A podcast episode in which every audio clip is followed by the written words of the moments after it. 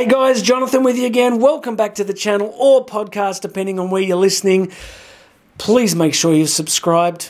Makes my mother very happy. Well, actually, I don't even know if she knows I have a channel, but it makes somebody happy. So please make sure you've subscribed and hit that notification button. And of course, make sure you've grabbed a free copy of my book, Bridging the Gap, free, no cost, zero, nilch, nada. Grab that link, get yourself a free copy. Today, we're going to talk about a quote from Jordan Peterson. You'd be very familiar with that name. Really interesting guy. You know, last year I used to go riding at 4 a.m. I used to do training rides, pitch black. And here in Australia, kangaroos, I used to ride out into, into the bush and uh, it's just crazy. Anyway, I was listening to a 13 hour lecture series by Jordan Peterson. Really fascinating guy. And one of the things I like about him is that he's suffered. He's had a lot of suffering in his life, particularly in the last few years, medical, um, personal suffering. So he, he's somebody that I guess you know walks his talk. So let's jump in. You're going to love this quote from Jordan Peterson. Let's do it. You are going to work to make things better for yourself, as if you are someone you are responsible for helping. I love this.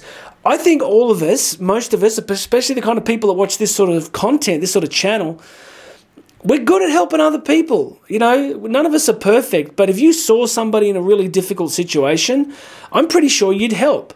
Like if you could do something to make somebody's life a little bit better, I'm pretty sure you would. Like you've got to be pretty you've got to have some issues to just completely not want to make other people's lives better in some small way if it's easy for you to do.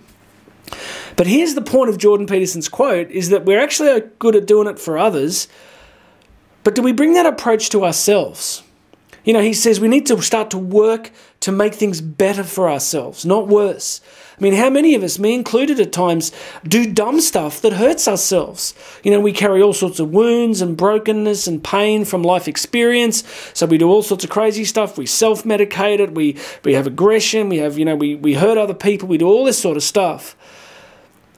But this concept of self compassion, of, of, of beginning to treat ourselves better, and I like how we use the word work. We're going to go to work. We're going to go to work for ourselves. We're going to make ourselves better. We're going to do what we can reasonably to heal ourselves to make our lives better as if we were someone else, as if we would do for ourselves what we would so easily do for others. I mean, if you think about the fact that, you know, Jesus famously said what? The golden rule do unto others, or, you know, love others as you love yourself. And there's this kind of imperative that it's that until you can have some compassion for yourself, it's it can be hard to have compassion for others.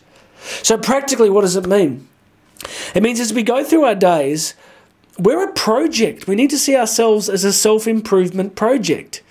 You know, we need to see ourselves as what are the limitations? What are the things that we're doing? What are things that need to change? What help do we need? What book do we need to read?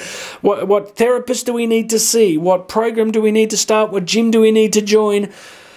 How do we need to change our diet? How do we need to stop watching pointless things? You know, this concept of what do we need to do to start to go to work on ourselves. And I reckon if you're watching this or listening to this right now, you know, I know, we all know. But we struggle to do it sometimes. And I don't know whether it's because we think it's selfish or, you know, I mean, I'm at a phase of life still with a young family that, you know, there's not a lot of bandwidth, right? Like you're giving and giving and giving. We have to remember that we can't give from an empty well. And the work that we do on ourselves, this whole personal development space, the purpose of this work isn't to be the richest person in the graveyard. The purpose of this work is so that we can become fully who we are, so that we can love the people that have been put in our lives. That's the point, right? And we can serve and contribute. So let's take his words to heart. Let's go to work on ourselves as if we are somebody that needs our help. It's a good thought experiment. I want you to think about in your life are you doing that right now? Are you doing things right now that help you to grow, that help you to develop so you can love and care for yourself and then love and care for others? That's the point. All right? Okay, that's it. Got to work on ourselves. It's, uh, it's the weekend here when I'm recording.